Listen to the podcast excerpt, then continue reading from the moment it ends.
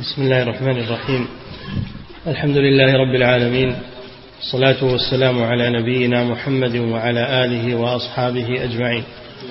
أما بعد قال المؤلف رحمه الله تعالى فإن قلت هؤلاء المعتقدون في الأموات لا يعلمون بأن ما يفعلونه شرك بل لو عرض أحدهم على السيف لم يقر بأنه مشرك بالله ولا فاعل لما هو شرك بل لو بل ولو علم ولو علم أدنى علم أن ذلك شرك لم يفعل.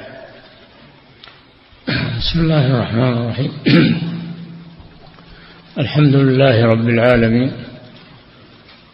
صلى الله وسلم على نبينا محمد وعلى آله وأصحابه أجمعين.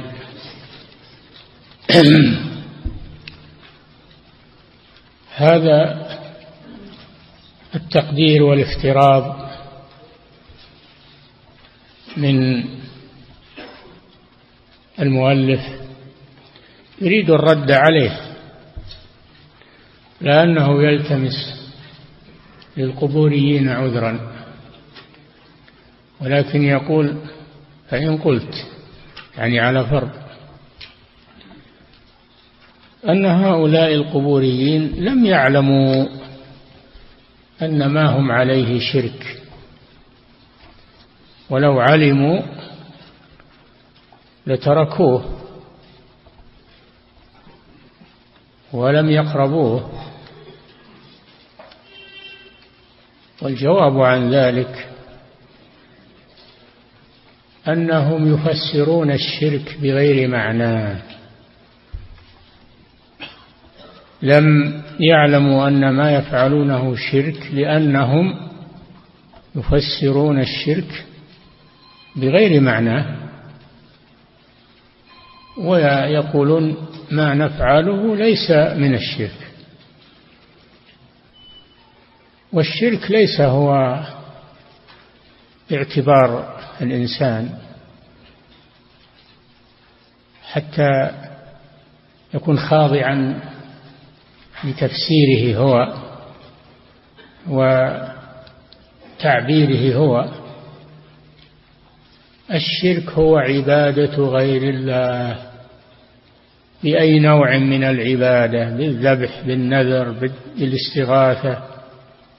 بأي نوع من أنواع العبادة؟ هذا هو الشرك. كما أن التوحيد هو إفراد الله بالعبادة. فكذلك الشرك هو عبادة غير الله. فتفسير الشرك ليس موكولا إليهم ولا إلى غيرهم وليس هو أمر اصطلاحيا يجرونه إلى ما يريدون فما يفعلونه هو الشرك ولو لم يعرفوا أنه شرك. أو قيل لهم هذا ليس بشرك إنما هذا توسل بالصالحين طلب للشفاعة من الصالحين. هذا هو الذي كان المشركون الأولون في الجاهلية يفعلونه هم يقولون ما نعبدهم إلا ليقربونا إلى الله زلفى. توسل. ويقولون هؤلاء شفعاؤنا عند الله ولم يعذرهم الله بذلك أنهم لم يعتبروا معهم عليه لم يعتبروه شركا لم يعذرهم الله بذلك. فمن وقع في الشرك فهو مشرك. سواء فسره بهذا أو بذاك هو مشرك. نعم. فإن قلت هؤلاء المعتقدون في الأموات لا يعلمون بأن ما يفعلونه شرك بل لو عرض أحدهم على السيف لم يقر بأنه مشرك بالله ولا فاعل لما هو شرك. إيه يجحد أنه مشرك. وفي يوم القيامة يقولون والله ربنا ما كنا مشركين. والله ربنا يحلفون. ما كنا مشركين في الدنيا وهل هذا يعذرون به؟ لم يعذرهم الله. مع أنهم حلفوا أنهم ما هم مشركين ولم ينفعهم ذلك. الشرك ليس هو اصطلاح الناس يفسرونه بما يريدون. بل الشرك هو عبادة غير الله بأي نوع؟ من أنواع العبادة. لا يصرفه عن ذلك تأويل ولا اصطلاح ولا ما يصرف الشرك عن معناه شيء. أبدا. فهذا هذا هو الجواب بالإختصار. هذا هو الجواب. بالاختصار ثم هؤلاء إذا حذروا وقيل لهم هذا شرك وهذا باطل. يقولون لا أنتم وهابية أو أنتم خوارج. فيردون على من نصحهم وبين لهم. لا يقبلون البيان. أنت تقول أنهم ما يدرون أنه الشرك ما يدرون. فرضنا أنهم ما يدرون. إذا بينا لهم لم يقبلوا. ويقولون أنتم أنتم المخطئون والغالطون أنتم خوارج أنتم وهابية أنتم أنتم من أتباع ابن تيمية وهكذا يقولون. نعم. قلت الأمر كما قلت ولكن لا يخفى عليك ما تقرر في أسباب الردة أنه لا يعتبر في ثبوتها العلم بمعنى ما قاله من جاء بلفظ كفري أو فعل, أو فعل فعلا كفريا. نعم كونه يعتبر أن الذي عليه ليس بشرك هذا لا ينفعه. ما دام أن ما فعله شرك أو كفر فقد أشرك وكفر. نظرا لما فعله. أما كونه ما يدري يقول أنا ما ما هو بهذا الشرك. ينكر يقول هذا ما هو بشرك. هذا توسل. طلب للشفاعة. هذا احترام للأولياء والصالحين. أنتم ما تقدرون الأولياء والصالحين. ولا تحترمون الأولياء والصالحين. يعني احترامهم بعبادتهم. من قال هذا؟ ليس احترام الأولياء والصالحين بأن يتخذوا شركاء لله عز وجل. ليس هذا من تقديرهم. بل هذا من مما ينهون عنه ويحذرون منه. نعم. ولكن لا يخفى عليك ما تقرر في أسباب الردة. أنه لا يعتبر في ثبوتها العلم بمعنى ما قاله من جاء بلفظ كفري أو فعل فعلا كفريا. وعلى لأن العبرة بما فعل وبما قال. العبرة بما فعل وبما قال. وليس كل من ادعى الجهل يعذر. حتى وهذا سيأتي إن شاء الله. حتى يكون في بيئة ما لم يبلغه شيء لم يبلغه القرآن لم تبلغه السنة لم تصل إليه الدعوة هذا يمكن أنه يعذر. أما إنسان بلغته الدعوة سمع القرآن أو هو يحفظ القرآن بالقراءات العشر بعد ويتغنى به ولكنه يدعو غير الله ويذبح لغير الله ويذبح لغير الله هذا بلغته الحجة. قامت عليه الحجة القرآن صريح في النهي عن الشرك. وبين القرآن أن أن الشرك هو عبادة غير الله هو دعاء غير الله وأن المساجد لله فلا تدعوا مع الله أحدا. بين القرآن بين هذا. بين أن من أنواع الشرك دعاء غير الله وهؤلاء يدعون غير الله ليلا ونهارا. ويبكون و وينسون الله عز وجل. يبكون عند الأضرحة ولا يبكون في المساجد. بل يتعلقون بالأضرحة أكثر مما يتعلقون بالمساجد. لأنهم مفتونون والعياذ بالله. نعم. وعلى كل حال فالواجب على كل من اطلع على شيء من هذه الأقوال والأفعال التي اتصف بها المعتقدون في الأموات أن يبلغهم الحجة الشرعية ويبين لهم ما أمره الله ببيانه وأخذ عليه الميثاق ألا يكتمه. كما حكى ذلك فنحن لا ننظر إلى أنهم يعتقدون أن الشرك أو ما يعتقدون أو ما, أو ما يدرون. ما ننظر إلى هذا. نحن ندعوهم إلى الله. ونبين لهم من هذا الفعل شرك. وكفر بالله عز وجل. ما يمنع هذا إننا ندعوهم ونبين لهم. لنقيم عليهم الحجة. وأيضا أيضا نحن نقول لهم هذا. وإن كانوا يقولون نحن لسنا بمشركين نقول لهم هذا شرك. ما هو بالشرك إنك تعتبره أنت شرك أو تفسره أنت؟ لا الشرك هو نفس ال... نفس دعوة غير الله وعبادة غير الله. وأنت تدعو غير الله تذبح لغير الله تنذر لغير الله. إذا ما معنى الشرك؟ نعم هذه مغالطة. نعم.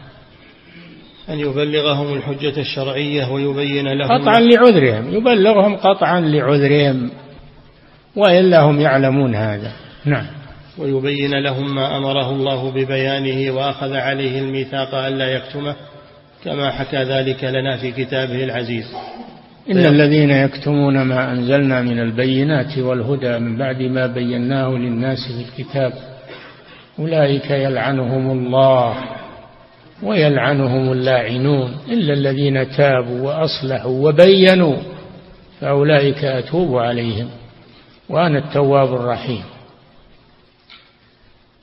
والآن كثير من العلماء يرون المشركين على شركهم عاكفين على القبور يذبحون لها وينذرون لها ولا ولا يبينون لها. ولا يحركون ساكنا. وصار أمرا عادي. صار الشرك عندهم أمرا عادي. فهؤلاء كتموا ما أنزل الله. ودخلوا في هذا الوعيد بلا شك. دخلوا في هذا الوعيد بلا شك. كتموا ما أنزل الله. وإذا أخذ الله ميثاق الذين أوتوا الكتاب لتبيننه للناس ولا تكتمونه. هذا عهد من الله إليك أنك تبين وأنك تسكت وتترك الناس أو تقول بعضهم يقول ما بهم فائدة ذولا اتركوهم ما ما هو قابلين ولا لا مالك مالك عذر في هذا بين إن عليك إلا البلاغ. وأما الهداية فهي بيد الله سبحانه وتعالى لكن أنت عليك البيان والبلاغ. تبري ذمتك تخرج من الكتمان. ولا يعدم من يقبل. ما يعدم أحد يقبل ولو واحد. لا يهدي الله بك رجلا واحدا. خير لك من حمر النعم. نعم. فيقول لمن صار يدعو الأموات عند الحاجات ويستغيث بهم عند حلول المصيبات وينذر لهم النذور وينحر لهم النحور. ويعظمهم تعظيم الرب سبحانه إن هذا الذي يفعلونه هو الشرك الذي كانت عليه الجاهلية. يعني يجب عليه يبين لهم يقول ما تفعلونه من هذه الأمور هو الشرك الذي كانت عليه الجاهلية. نعم. ويبين لهم أن الشرك ليس هو باعتبارهم هم أو باصطلاحهم هم أو بما يقوله لهم أهل الضلال. الشرك هو عبادة غير الله بأي نوع من أنواع العبادة؟ وأنتم تعبدون غير الله فأنتم مشركون. نعم.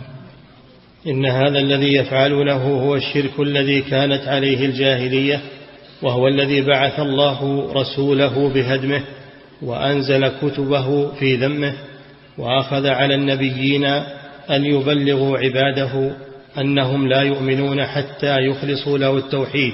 ويعبدوا ما أرسلنا من قبلك من رسول. جميع الرسل. ما أرسلنا من قبلك من رسول. إلا نوحي إليه أنه لا إله إلا أنا فاعبدوا هذا الذي عهد الله به للأنبياء. وعهد به لأتباع الأنبياء. أن يبلغوا الناس أنه لا إله إلا الله جل وعلا. وأن العبادة لا تصلح إلا له. وأن صرفها لغيره شرك أكبر. يبينون للناس هذا. يقولون ما يقبلون منا. يقول ليس عليك أنهم يقبلون. عليك أن تبلغ. إن عليك إلا البلاغ. وأما الهداية فهي بيد الله سبحانه وتعالى. نعم. وأخذ على النبيين أن يبلغوا عباده أنهم لا يؤمنون حتى يخلصوا له التوحيد ويعبدوه وحده.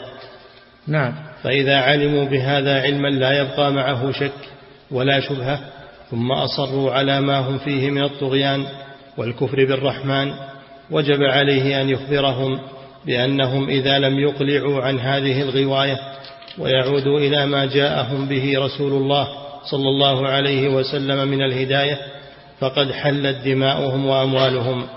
فإن رجعوا وإلا فالسيف هو الحكم العدل كما نطق به الكتاب المبين وسنة سيد المرسلين في إخوانهم المشركين. قاتلوا الذين لا يؤمنون بالله ولا باليوم الآخر ولا يحرمون ما حرم الله ورسوله ولا يدينون دين الحق من الذين أوتوا الكتاب حتى يعطوا الجزية عن يد وهم صاغرون. فإذا انسلخ الأشهر الحرم فاقتلوا المشركين حيث وجدتموهم وخذوهم واحصروهم واقعدوا لهم كل مرصد. أمر الله بقتل المشركين لكن بعد الدعوة. أولا الدعوة ثم إذا لم يقبلوا فلا بد من القتال. لمن يقدر؟ وهذا خطاب للرسول ولمن يلي الأمر بعده. القتال ما يقوم به إلا ولي الأمر. والمسلمون تبع لولي أمرهم تحت رايته. كل واحد يأخذ السيف ويقتل من أمامه. هذه فوضى ولا ينفر عن الدعوة. ويوصف من فعلها بأنه من آه، من المخربين ومن ومن. كما هو الواقع الآن. لبسوا على الإسلام ما ليس منه بسبب تصرفات بعض المتحمسين على غير طريق شرعي وعلى غير بصيرة. نعم. الأمور لها ضوابط الأمور لها طرق. هي الأمور فوضى. خذ السيف واقتل. دمر افعل. مو كذا. الأمور منظمة. أمور لها طرق لها لها بيان. نعم. فإن قلت فقد ورد الحديث الصحيح بأن الخلائق يوم القيامة هذه شبهة ثانية.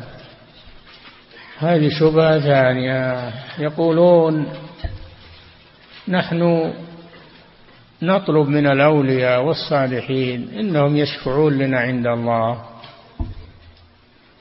والدليل على هذا إن أهل المحشر يوم القيامة يطلبون من أولي العزم أن يشفعوا لهم عند الله ليخلصهم من الموقف ويريحهم من الموقف الذي طال عليهم وشق عليهم. تقدمون إلى آدم ثم إلى نوح ثم إلى موسى ثم إلى عيسى ثم إلى محمد صلى الله عليه وسلم. فهذا دليل على أن دعاء الأولياء والصالحين ليس بشرك. هؤلاء القوم يوم القيامة طلبوا من من أنبياء الله أن يشفعوا لهم عند الله يتوسطون لهم.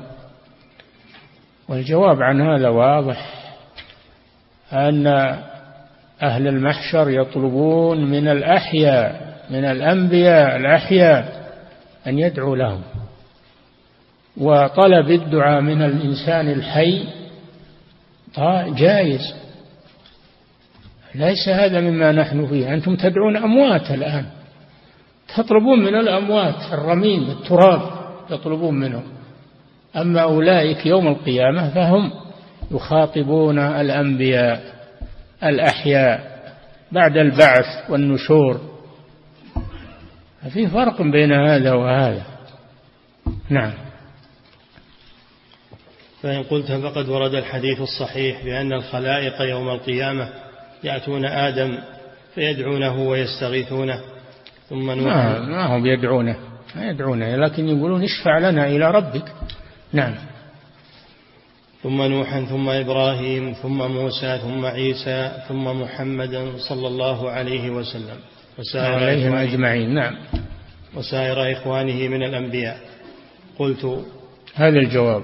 قلت أهل المحشر إنما يأتون هؤلاء الأنبياء عليهم الصلاة والسلام يطلبون منهم أن يشفعوا لهم إلى الله سبحانه ويدعون لهم بفصل الحساب والإراحة يطلبون منهم الدعاء الشفاعة وطلب الشفاعة يعني طلب الدعاء من الحي.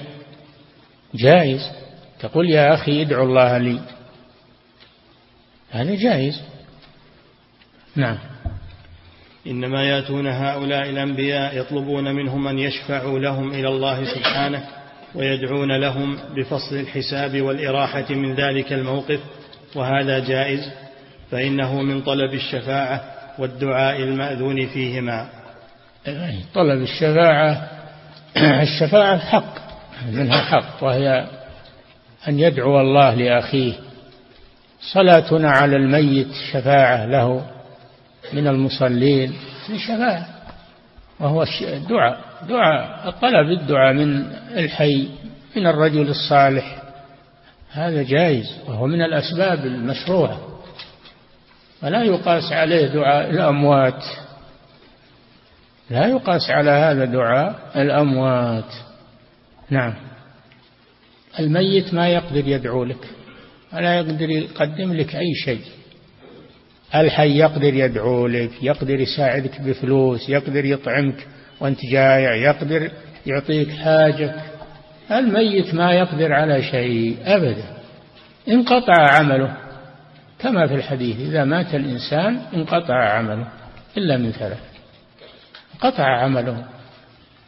فلا يمكن هذا. لا يمكن هذا.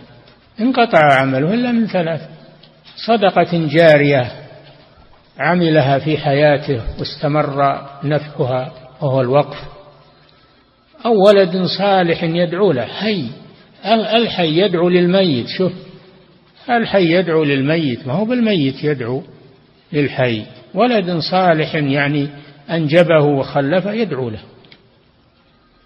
أو علم ينتفع به درس العلم ألف المؤلفات النافعة. بقيت ينتفع بها هذا يجري ثوابه على الميت الذي قدمه في حياته نعم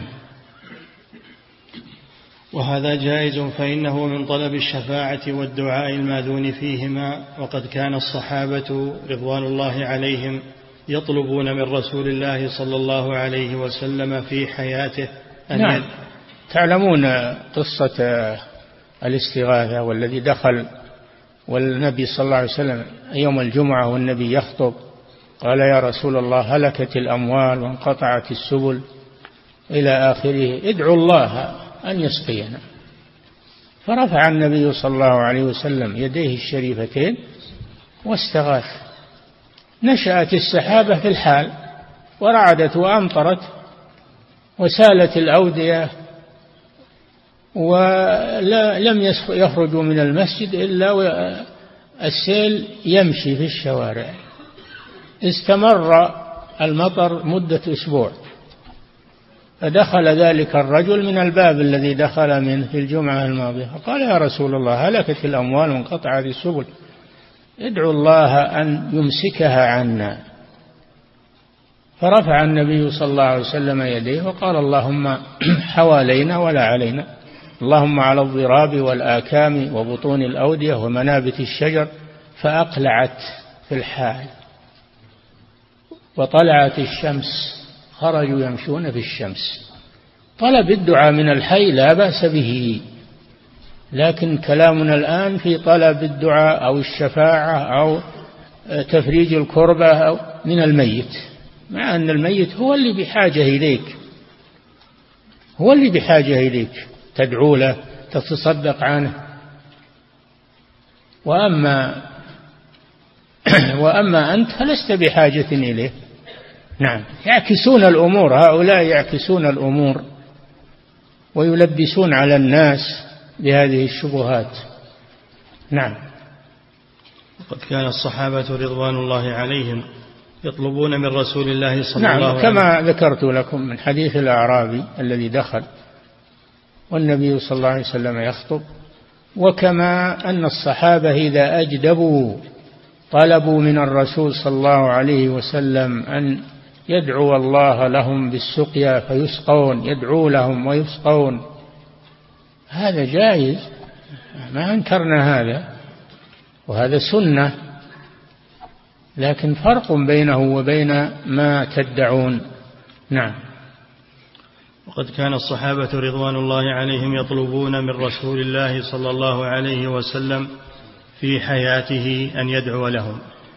نعم. فلما مات طلبوا من عمه العباس أن يدعو لهم. وقال عمر اللهم إنا كنا نتوسل إليك بنبينا يعني بدعائه يوم أن كان حيا فتسقينا. وإنا نتوسل إليك بعم نبينا يعني نتوسل بدعائه لنا فاسقنا. فيقوم العباس فيدعو الله ويسقون. نعم. كما في حديث يا رسول الله ادعو الله أن يجعلني منهم. لما أخبرهم بأنه يدخل الجنة سبعون ألفا. وحديث نعم الرسول صلى الله عليه وسلم قال في الحديث الطويل عرضت علي الأمم.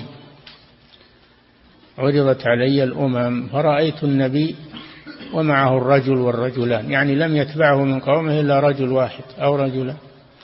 ورأيت النبي ومعه الرهط يعني دون العشرة. ورأيت النبي وليس معه أحد.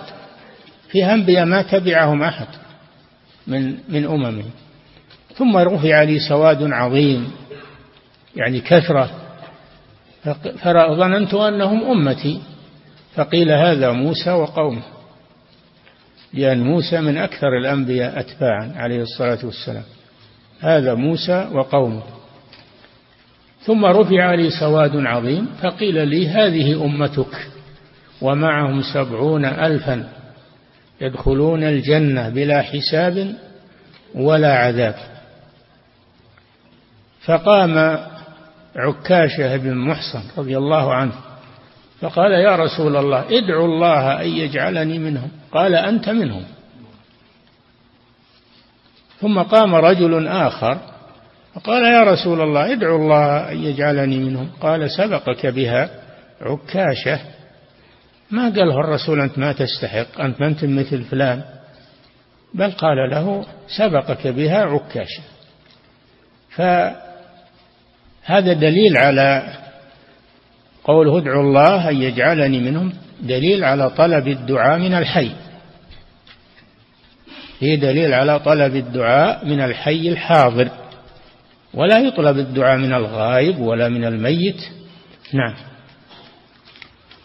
كما في حديث يا رسول الله ادعو الله أن يجعلني منهم لما أخبرهم بأنه يدخل الجنة سبعون ألفا. وحديث سبقك بها عكاشة. وقول أم وقول أم سليم يا رسول الله خادمك أنس ادعو الله له.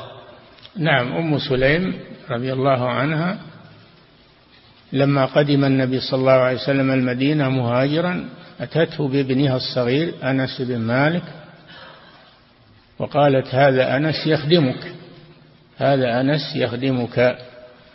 قدمته للرسول صلى الله عليه وسلم ليخدمه. فكان أنس خادم رسول الله صلى الله عليه وسلم. خدمه حتى مات عليه الصلاة والسلام. ولكن الشاهد من هذا أنها قالت ادعوا الله له. طلبت من الرسول الدعاء ولم ينكر عليها. دعا له. دعا له أن يحسن الله عمله وأن يطيل عمره. فحسن عمله وعمر حتى جاوز المئة. رضي الله عنه. فالشاهد من هذا أنها طلبت من الرسول أن يدعو الله لابنها. فهذا دليل على جواز طلب الدعاء من الحي الحاضر. وهذا لا إنكار فيه. نعم. وقول المرأة التي كانت تصرع يا رسول الله ادعو الله لي. امرأة تصرع وتتكشف يعني يصيبها الجن والصرع فتتكشف جاءت إلى الرسول صلى الله عليه وسلم طلبت منه أن يدعو الله لها بالشفاء. فقال لها إن شئت دعوت لك وشفيت وإن شئت أن تصبري ولك الجنة. قالت أصبر يا رسول الله ولكن ادعو الله ألا أتكشف فدعا لها ألا تتكشف. الشاهد من هذا أن هذه المرأة طلبت من الرسول أن يدعو لها ودعا لها صلى الله عليه وسلم. هذا دليل على جواز طلب الدعاء من الحي. نعم. وقول المرأة التي كانت تصرع يا رسول الله ادعو الله لي. وآخر الأمر سألته الدعاء بألا تنكشف عند الصرع فدعا لها. نعم. ومنه إرشاده صلى الله عليه وسلم لجماعة من الصحابة بأن يطلبوا الدعاء من أويس القرني إذا أدركوه. أويس القرني رجل صالح من أهل اليمن. كان بارا بأمه. أخبرهم النبي صلى الله عليه وسلم عن شأنه وقال من لقي فليطلب منه الدعاء. جاء مع الحجاج حاج اليمن. خرج عمر إليهم وسأل عنه فدلوه عليه. قال أنت فلان؟ قال نعم. قال ادعوا الله لي. فدعا له. هذا دليل على جواز الدعاء من الرجل الصالح الحاضر الحي. نعم. شوف ما ما طلبوا من أويس الدعاء وهو غايب. ما طلب منه عمر إلا لما قدم وجاء قابله طلب منه الدعاء. نعم. ومنه ما ورد في دعاء المؤمن لأخيه بظهر الغيب. كذلك تدعو لأخيك الغائب هذا فيه فضل عظيم. ينفع بإذن الله. فدعاء الصالحين إذا قبله الله ينفع. نعم. وغير ذلك مما لا يحصر حتى أن رسول الله صلى الله عليه وسلم قال لعمر لما خرج معتمرا لا تنسني يا أخي من دعائك.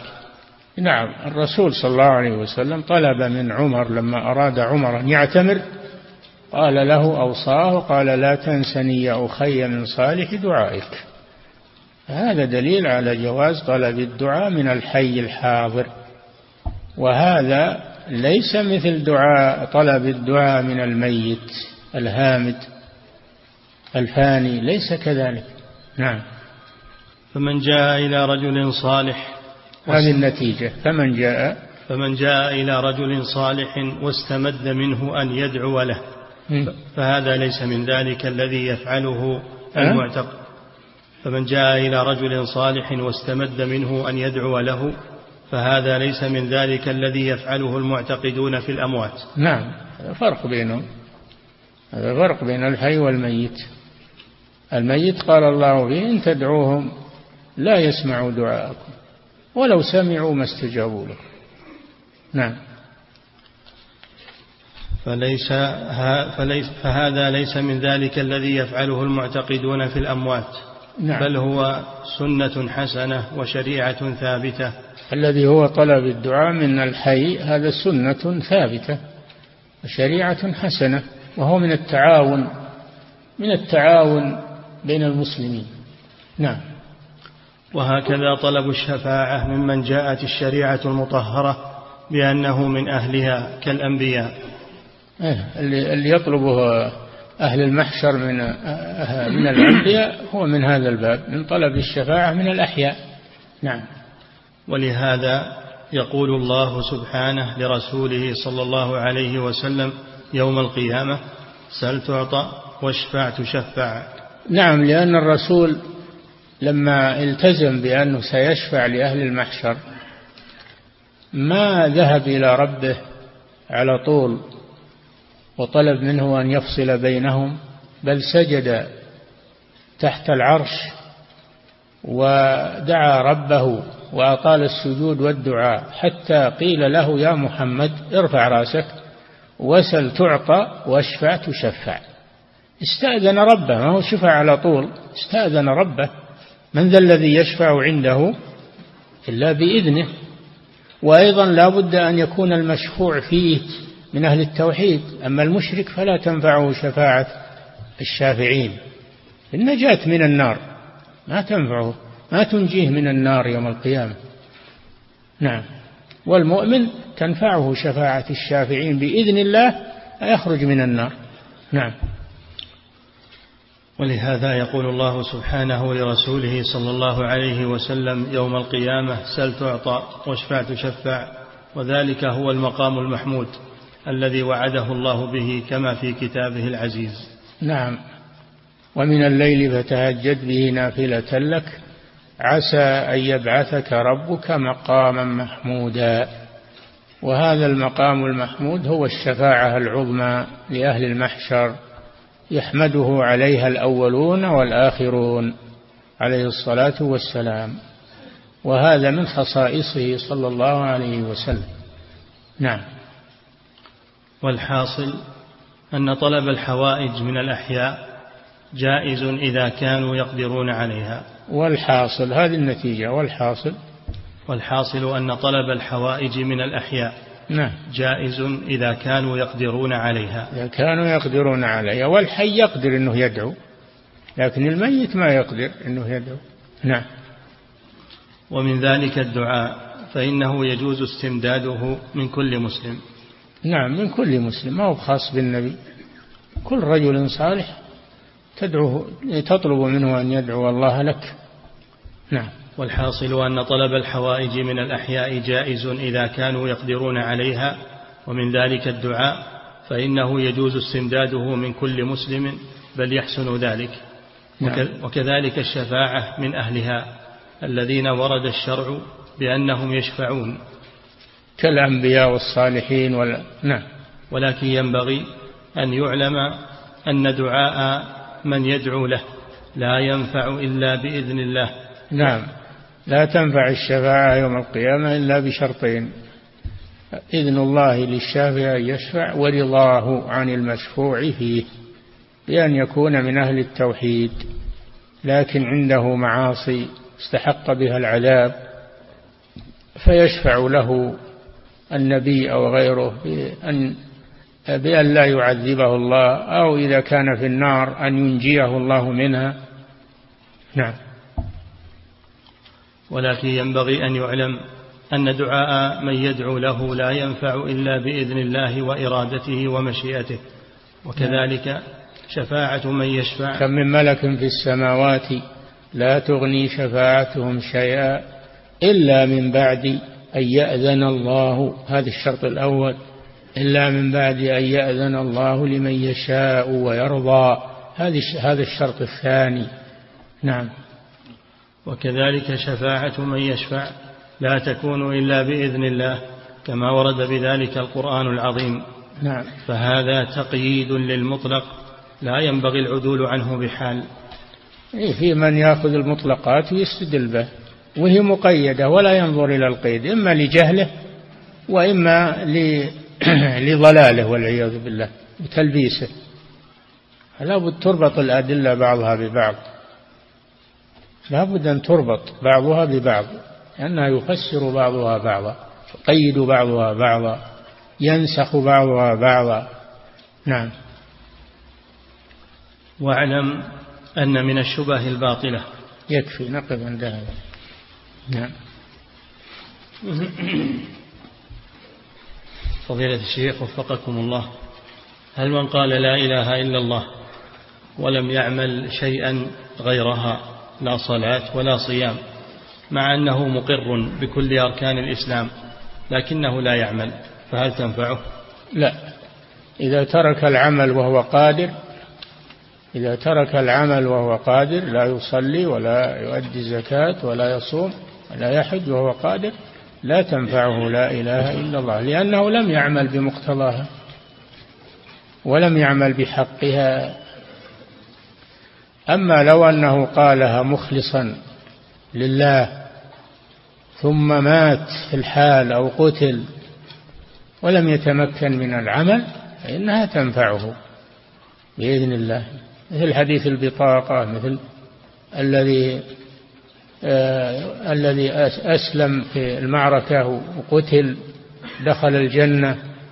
مثل اليهودي الغلام اليهودي الذي كان مريضا وزاره النبي صلى الله عليه وسلم ودعاه إلى الإسلام فأسلم آه، دخل الجنة.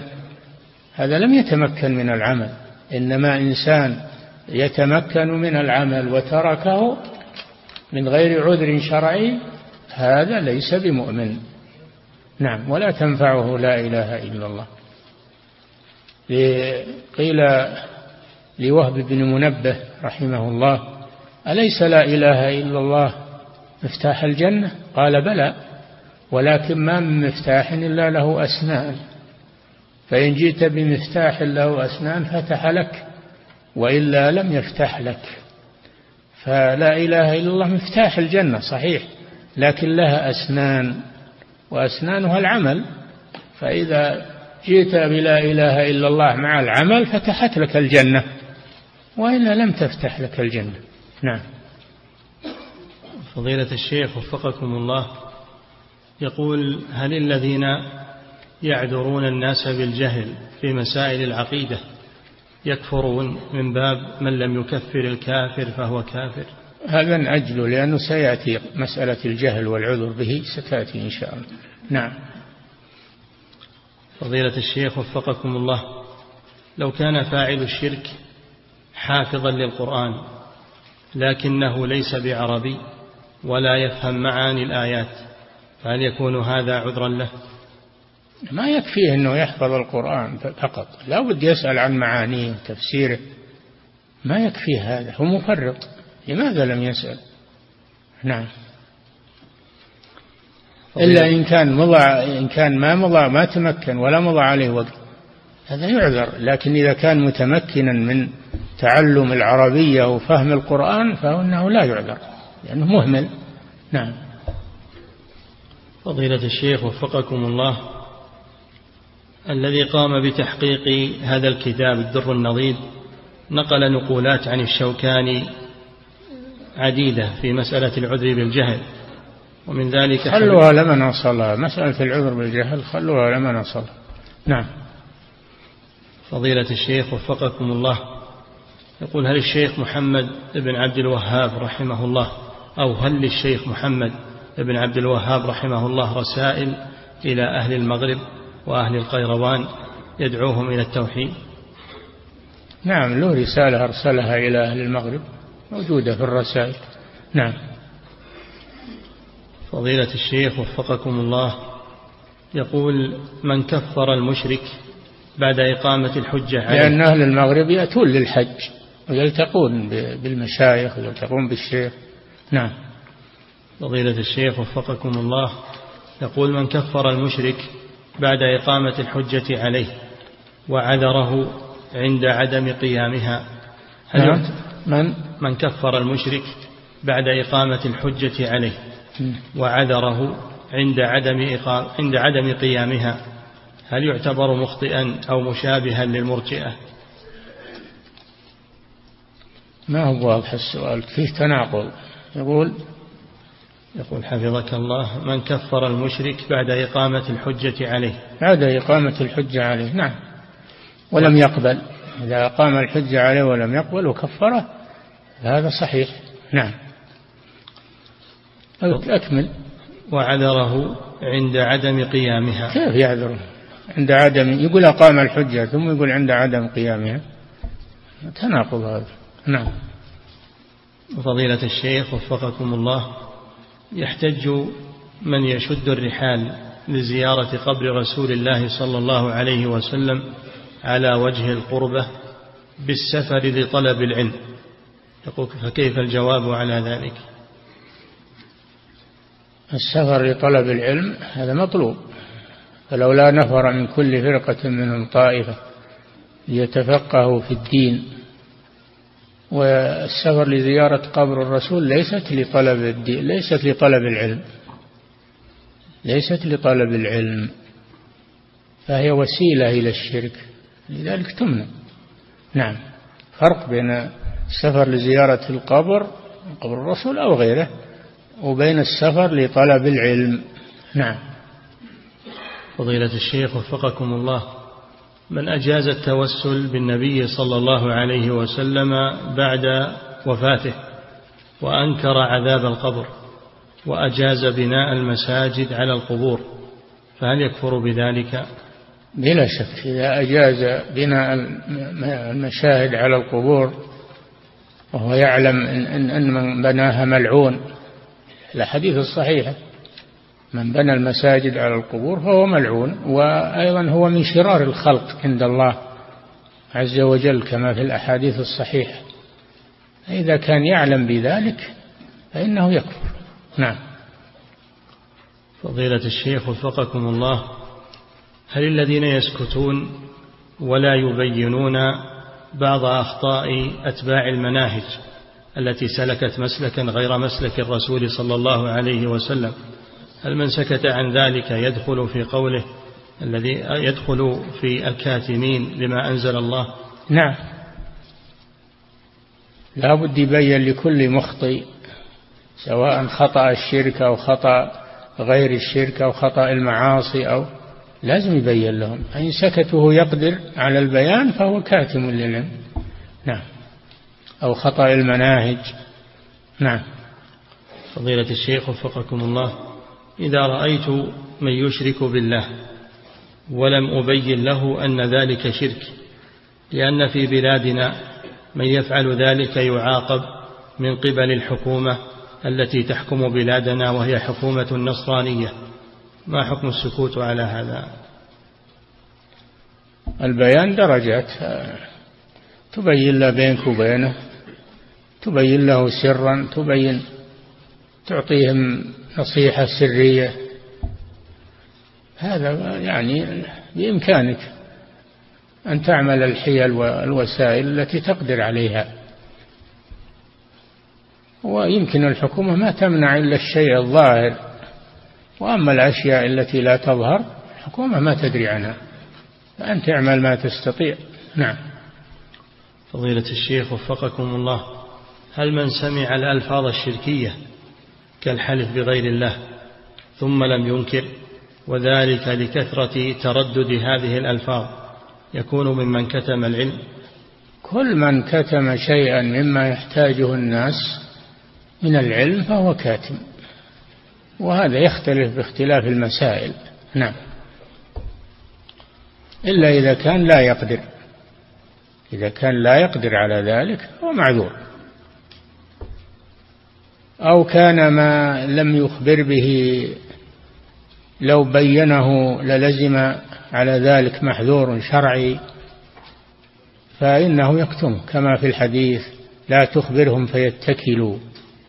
قال صلى الله عليه وسلم لمعاذ لا تخبرهم فيتكلوا يعني يأخذون جانب الرجاء ويتركون الأعمال. فإذا كان البيان يؤدي إلى محذور أكبر فإنه يجوز الكتمان. نعم. فضيلة الشيخ وفقكم الله. إذا رأيت رجلا فعل فعلا شركيا ثم بينت له أن هذا شرك وتاب منه فهل عليه أن يتلفظ إذا, إذا رأيت رجلا فعل فعلا شركيا فبينت له أن هذا شرك وتاب منه فعلي فهل عليه أن يتلفظ بالشهادة؟ إذا كان مسلما وهو فعل الشرك هو مسلم فعل الشرك يتلفظ بالشهادة. أما إذا كان غير مسلم إذا كان إذا كان غير مسلم وبينت له هذا دخل في الإسلام من جديد. ما هو ما هو مرتد ثم تاب. نعم. فضيلة الشيخ وفقكم الله. يقول هل طلب الدعاء؟ فضيلة الشيخ وفقكم الله في قول الرسول صلى الله عليه وسلم من أتى كاهنا أو عرافا فصدقه لم تقبل منه أربعين صلاة. هل إذا تاب؟ تقبل منه صلاة أربعين يوما. نعم. لم تقبل منه صلاة أربعين يوما. هل إذا تاب الرجل يقبل الله منه هذه الصلوات أو يبقى الحكم. الله أعلم. نبقي الحديث كما جاء ولا نعم نعم. فضيلة الشيخ وفقكم الله الكافر لا يستحق الشفاعة والرسول صلى الله عليه وسلم في المحشر شفع للمؤمنين والكافرين ببدء الحساب. ما شفع لهم بالخروج من النار شفع لهم في الفصل بينهم فقط. نعم. ما تنفعهم شفاعة الشافعين في الخروج من النار دخول الجنة. نعم. فضيلة الشيخ وفقكم الله ما الراجح في مسألة إهداء الثواب للميت؟ من قال إنه يجوز إهداء ثواب أي نوع من العبادات وبين من حددها بما ورد به النص من العبادات. الراجح في ذلك؟ الصواب ما هو بالراجح؟ الصواب أن الأصل أن عمل المسلم له إلا ما استثناه الشارع من الصدقة الجارية وإلا ما استثناه الشارع من الدعاء له أو الصدقة الجارية التي فعلها أو العبد الصالح الذي يدعو له بعد موته.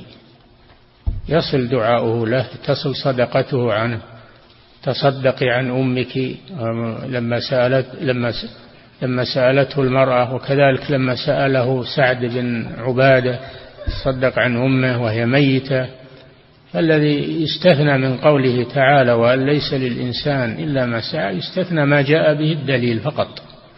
والباقي لا يصل ثوابه إلى الميت لأنه للعامل خاصة نعم.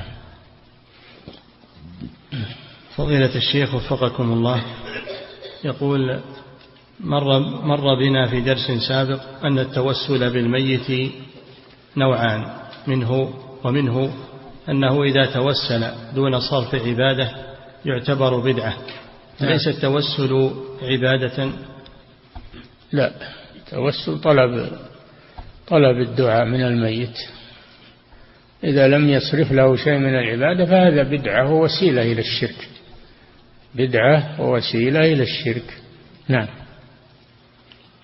فضيلة الشيخ وفقكم الله يقول ما الطريقة المثلى التي علي اتباعها في دعوة غير المسلمين الذين معي في العمل؟ وهل يأكلون معي وأتصدق عليهم؟ نعم الأكل لا بس تأكل معهم يأكلون معك من المباح. والتصدق عليهم من الزكاة لا يجوز وأما من التطوع فلا بأس بذلك. خصوصا إذا كان في هذا ترغيبا لهم في الإسلام. نعم. فضيلة الشيخ وفقكم الله ما حكم لعن الشخص المعين؟ كأن يقال لعنة الله على فلان. من ورد لعنه في القرآن أو في السنة يلعن أما من لم يرد لعنه في القرآن ولا في السنة هذا موضع خلاف موضع خلاف والراجح والله أعلم أنه لا يلعن لأنك ما تدري ما ختم له. نعم. فضيلة الشيخ وفقكم الله ما حكم قيام بعض الناس بالصلاة على الأموات قبل صلاة الإمام؟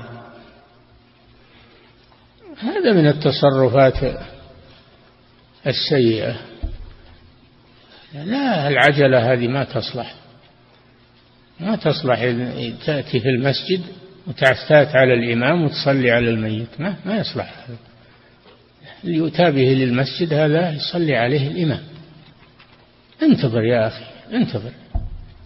حتى يأتي الإمام وصل معه. أما لو أنك سبقت إلى الميت قبل أن يؤتى به للمسجد جئت وهو مجهز ومغسل وصليت عليه قبل أن يؤتى به للمسجد فالأمر في هذا أخف. نعم.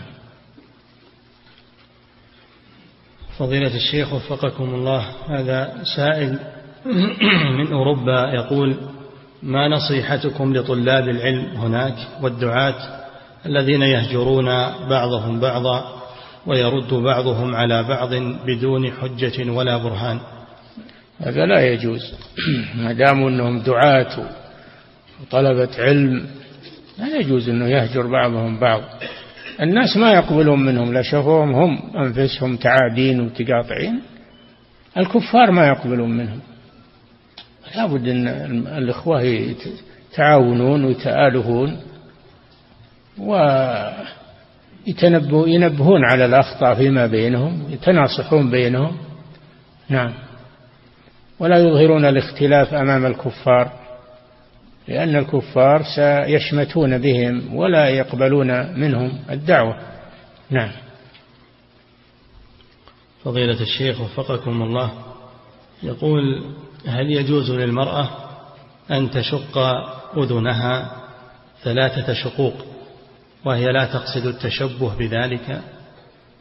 ما يجوز هذا إلا للحاجة. ثقب الإذن لأجل الحلي يجوز هذا للحاجة. أما شقه لغير الحلي فلا يجوز هذا. نعم. فضيلة الشيخ وفقكم الله يقول السائل والدي به أمراض مزمنة وكثيرة. والدي به أمراض كثيرة ومزمنة. ويشق عليه الوضوء لكل صلاة. فهل له أن يجمع ويقصر؟ يقصر لا. ما في قصر إلا في السفر. أما الجمع إذا احتاج إليه المريض يجمع. نعم. فضيلة الشيخ وفقكم الله يقول إذا وجد عزاء وجاءنا ضيوف من خارج المدينة من خارج المدينة ومن خارج القرية فهل لي أن أكرمهم وأذبح لهم الذبائح بحكم أنهم ضيوف عندي؟ أول شيء السفر لأجل التعزية هذا لا أصل له. واليوم ما ما حاجة إلى السفر. اليوم خذ الجوال خذ التلفون وكلمهم كأنك حاضر معهم. ولا حاجة إلى السفر. لكن عاد إذا تكلموا تكلفوا وتجشموا السفر وجو لمك ما في شك أنك تضيفهم. هذه ضيافة ما هي بعزاء هذه ضيافة للقادمين. نعم. فضيلة الشيخ وفقكم الله يقول بعض الناس هذه العبارة وهي عملت أو فعلت الذي علي والباقي على الله. فهل في هذا الكلام محذور شرعي؟ أنا ما أدري ليش تكرر هالسؤال دائما. نجاوب عليه ويرجع نجاوب عليه ويرجع. لا بأس بذلك. أن تفعل السبب والتوفيق على الله. ما في شك هذا. ما تعتمد على السبب. تقول التوفيق على الله. نعم. فضيلة الشيخ وفقكم الله امرأة حجت وطافت طواف الإفاضة. امرأة حجت وطافت طواف الإفاضة. ورمت الجمرة الأولى ولكنها لم ترمي الباقي ولم تطف طواف الوداع بعذر شرعي. فهل حجها صحيح؟ أما رمي الجمرات الذي لم يحصل منها تفدي عن فدية تذبح فدية. وأما طواف الوداع إذا كانت تركته للحيض فليس عليها شيء. الحائض ليس عليها وداع. أما إذا كانت تركته لغير الحيض فعليها فدية أيضا عن طواف الوداع. نعم. فضيلة الشيخ وفقكم الله. يقول هل يجوز للمرأة أن تدخل إلى السوق بدون محرم؟ المحرم للسفر أما في البلد ما تحتاج إلى محرم. إذا صارت محتشمة ومحتجبة ولا تخالط الرجال وذهبت للسوق لحاجة ليست بحاجة إلى محرم. المحرم هذا في السفر. نعم. فضيلة الشيخ وفقكم الله يقول ما حكم مصافحة المرأة الأجنبية؟ لا يجوز مصافحة المرأة غير المحرم ما يجوز. الرسول صلى الله عليه وسلم ما مست يده يد امرأة قط لا تحل له وإنما كان يبايع النساء بالكلام. فلا يجوز أن يمس أو يصافح المرأة أيا كانت إلا من محارمه. نعم. فضيلة الشيخ وفقكم الله. يقول ذهبت للعمرة وعند السعي بدأت بالمروة. ذهبت للعمرة وعند السعي بدأت بالمروة وانتهيت بالصفا فهل علي شيء في ذلك؟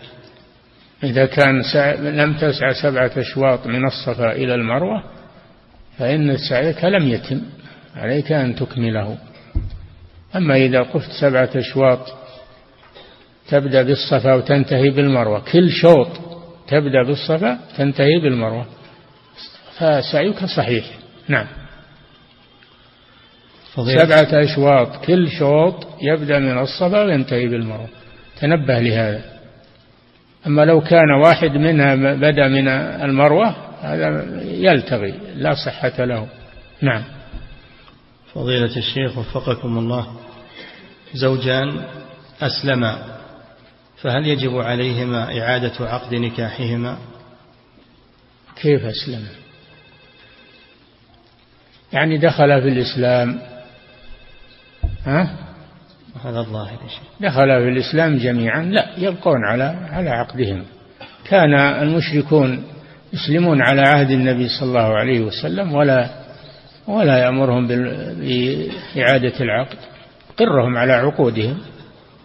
لكن لو أسلم الرجل وتأخر إسلام المرأة حتى خرجت من العدة فلا بد من العقد. أما لو أسلم أحدهما ثم أسلم الآخر في العدة أيضا يبقى النكاح ولا حاجة إلى عقده. نعم. فضيلة الشيخ وفقكم الله. يقول إذا قرأ الإمام آية فيها استغفار أو تسبيح أو تكبير فهل المأموم يكبر أو يستغفر أو يسبح؟ نعم. إذا قرأ الإمام آية فيها استغفار أو تسبيح أو تكبير. الذي ورد أن الرسول صلى الله عليه وسلم أيضا هذا في صلاة الليل إذا مر بآية رحمة سأل وإذا مر بآية فيها ذكر العذاب تعوذ. هذا الذي ورد عن الرسول صلى الله عليه وسلم ونقتصر عليه. نعم. فضيلة الشيخ وفقكم الله. هل يجوز الزواج من الكتابيات في الوقت الحاضر بعد تحريف دينهم ووقوعهم في الشرك بالله سبحانه؟ إلى يوم القيامة يجوز الزواج بالنصرانيات بشرط أن تكون بشرط أن تكون عفيفة عن الزنا. بشرط أن تكون المحصنة. يعني محصنة يعني عفيفة من الزنا. والمحصنات من الذين أوتوا الكتاب. حل لكم. محصنة يعني عفيفة عن الزنا غير مسافحة. ولا متخذة للأخدان والله يعلم ما يكون من من النصارى وهو محرف. حرفوا في عهد الرسول صلى الله عليه وسلم. ومع هذا نزل القرآن بإباحة ذلك. فلا أحد يقيد ما ما أطلقه الله سبحانه وتعالى. نعم. فضيلة الشيخ وفقكم الله. هذه سائلة من هولندا تقول ما حكم استعمال المرأة لحبوب منع الحمل؟ إذا كانت هناك مشاكل بين الزوجين. لا تستعمل مانع الحمل إلا لمرض قرر الأطباء أنها لا تصلح للحمل لأنه يقتلها أو يمرضها فإنها تؤخره ما تقطعه قطعا إنما تؤخره تأخذ ما يؤخره عنها حتى تستعد له. أما قطع الحمل فلا يجوز.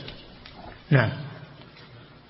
فضيلة الشيخ وفقكم الله يقول لقد صنعت معروفا لأحد الأشخاص وقال لي إذا جئت إلى منطقتنا أمانة ثم أمانة عليك أن تمرني وأن تأتي إلي وأنا سأذهب إلى هذه المنطقة فهل يجب علي المرور عليه بناء على قوله أمانة ثم أمانة هذا حلف لا يجوز الحلف بالأمانة حلف عليك بالأمانة وكرر أنك تمر ما يجوز. انصحه قال هذا ما يجوز.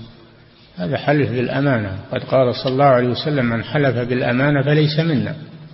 نعم. فضيلة الشيخ وفقكم الله يقول ما حكم من يسأل بوجه الله؟ ويقول أسألك بوجه الله أن تفعل كذا وكذا. لا يجوز هذا على إطلاقه.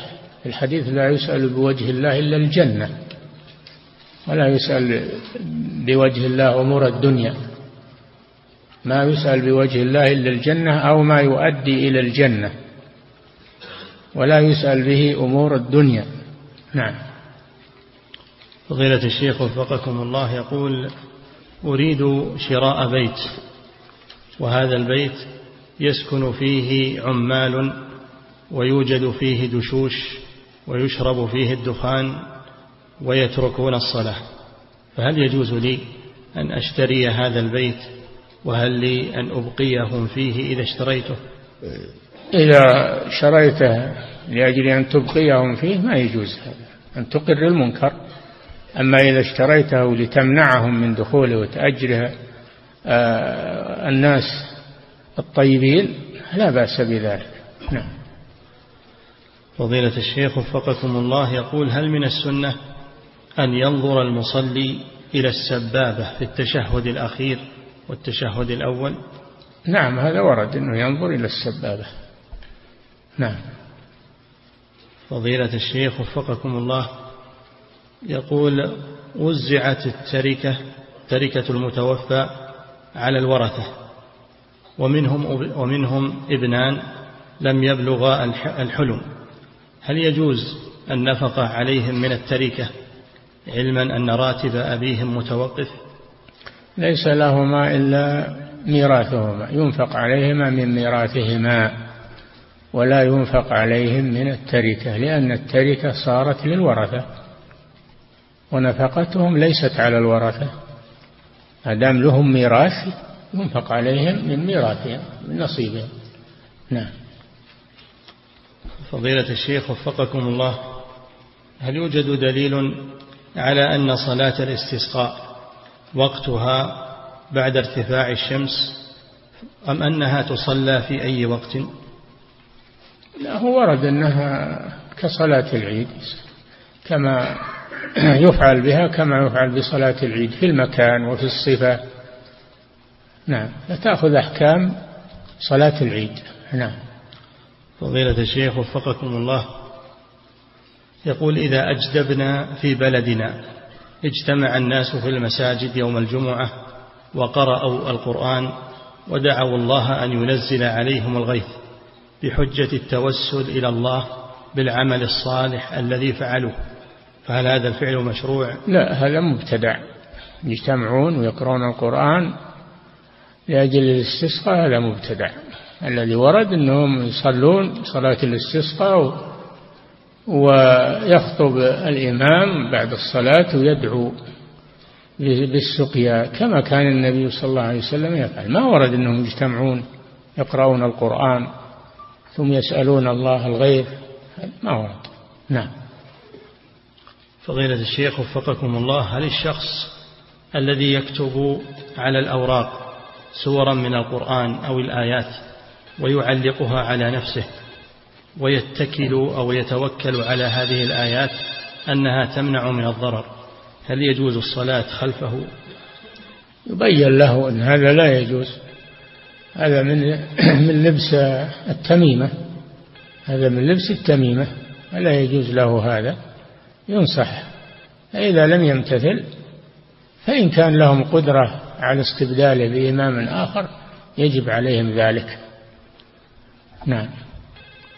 فضيلة الشيخ وفقكم الله يقول سمعت أحد الأئمة يدعو بهذا الدعاء اللهم اللهم عاد من عاداهم وآذي من آذاهم. منهم ها؟ منهم اللي يعادي من نعم. والسؤال هو حفظك الله عن لفظة آذي من آذاهم. منهم ها فضيلة الشيخ وفقكم الله يقول لدي قطعة أرض. كنت وكلت شخصا بشرائها وهي الآن في ملكي والوكالة ما زالت لدى ذاك الشخص وهو يريد شراءها. فهل يجوز أن يقوم ببيعها وشرائها لنفسه عن طريق هذه الوكالة؟ وكلت إيش؟ وكلت شخصا لدي قطعة أرض وكنت وكلت شخصا بشرائها وهي الآن في ملك كيف؟ لديك قطعة أرض ووكلت شخصا بشراء هي لك تقول إنه لك عندك. لديك قطعة أرض وش معنى لديك؟ يعني تملكها. وكلت شخصا بشرائها أشريها وهي لك؟ أشريها لك كيف هذا؟ نعم. أو وكلته يشريها لنفسه؟ توكله يشريها لنفسه؟ السؤال ما هو واضح. يا أخوان إذا كتبتم سؤال وضحوه حرروه. نعم. فضيلة الشيخ وفقكم الله هل ورد عن النبي صلى الله عليه وسلم رش أركان وجدران البيت بالماء المقري عليه لكي يدفع العين والسحر؟ أبدا. لا هذا ما يجوز. هذا ما يجوز رش جدران البيت بالرقية. بعضهم يرش بالملح يقول به وخرلج وبعضهم هذه كلها خرافات. أنزل الله بها من سلطان. نعم. فضيلة الشيخ وفقكم الله هل صحيح أن الرجل إذا دعا الله ولم يختم دعاءه بالصلاة على النبي صلى الله عليه وسلم أنه لا يقبل دعاؤه ولا يرفع؟ ورد أنه أن دعاءه معلق حتى يصلي على نبيه. نعم. يعني الصلاة على النبي في من من أسباب الإجابة. من أسباب الإجابة. نعم. فضيلة الشيخ وفقكم الله إذا دخلت إلى المصلى وقد انتهى المصلون من صلاة الاستسقاء والإمام يخطب فما الواجب علي فعله؟ تجلس تستمع الخطبة ويكفيك هذا إن شاء الله. نعم. فضيلة الشيخ وفقكم الله يقول بعض الناس إن الصرع ليس من الجن بل هو مرض في الأعصاب فهل ما يقولونه صحيح؟ قد يكون من الأعصاب وقد يكون من الجن. ما هو كله من الجن ولا هو كله من الأعصاب؟ منه ومنه نعم. فضيلة الشيخ وفقكم الله هل يجوز طلب الدعاء من الحي الذي يكون خارج البلد إذا اتصلت به عن طريق الهاتف وطلبت منه الدعاء؟ لا بأس بذلك. لا بأس بذلك لأنك إذا خاطبته صار ما هو بغايب. نعم. فضيلة الشيخ وفقكم الله يقول من يعطي الأولاد الصغار مالا لكي يدعو له فهل هذا الفعل جائز؟ من؟ من يعطي الأولاد الصغار مالا لكي يقوموا بالدعاء له؟ ما يواجر الإنسان ما يواجر على أنه يدعو. يتبرع بالدعاء ولا ما هو بلازم. نعم. إذا دعا لأجل الأجرة ما يقبل دعاء. لأن الدعاء عبادة ما يؤخذ عليه أجرة. نعم. فضيلة الشيخ وفقكم الله الأصناف التي ليست ربوية ولم ترد بالنص كالحديد مثلا هل تجري عليها الأحكام الربوية وأحكام السلم؟ إيش؟ الأصناف التي ليست ربوية كالحديد مثلا. هل تجري عليها أو تجرى عليها الأحكام الربوية وأحكام السلم كاشتراط تقديم جميع الثمن؟ أما الأحكام الربوية فلا تجري عليها لأن خرجت أخرجتها الصنعة عن الوزن صارت مصنوعة. ولا تباع يعني إلا بالكمية ما تباع بالوزن. فليست ربوية. وأما السلم يجوز أن تسلم في حديد صفته كذا وكذا ومن نوع كذا كذا تضبطه بالمواصفات وتسلم الثمن في المجلس والحديد يأتي إذا حل الأجل أجل السلم. نعم. انتهى. الله تعالى أعلم وصلى الله وسلم على نبينا محمد وعلى آله وسلم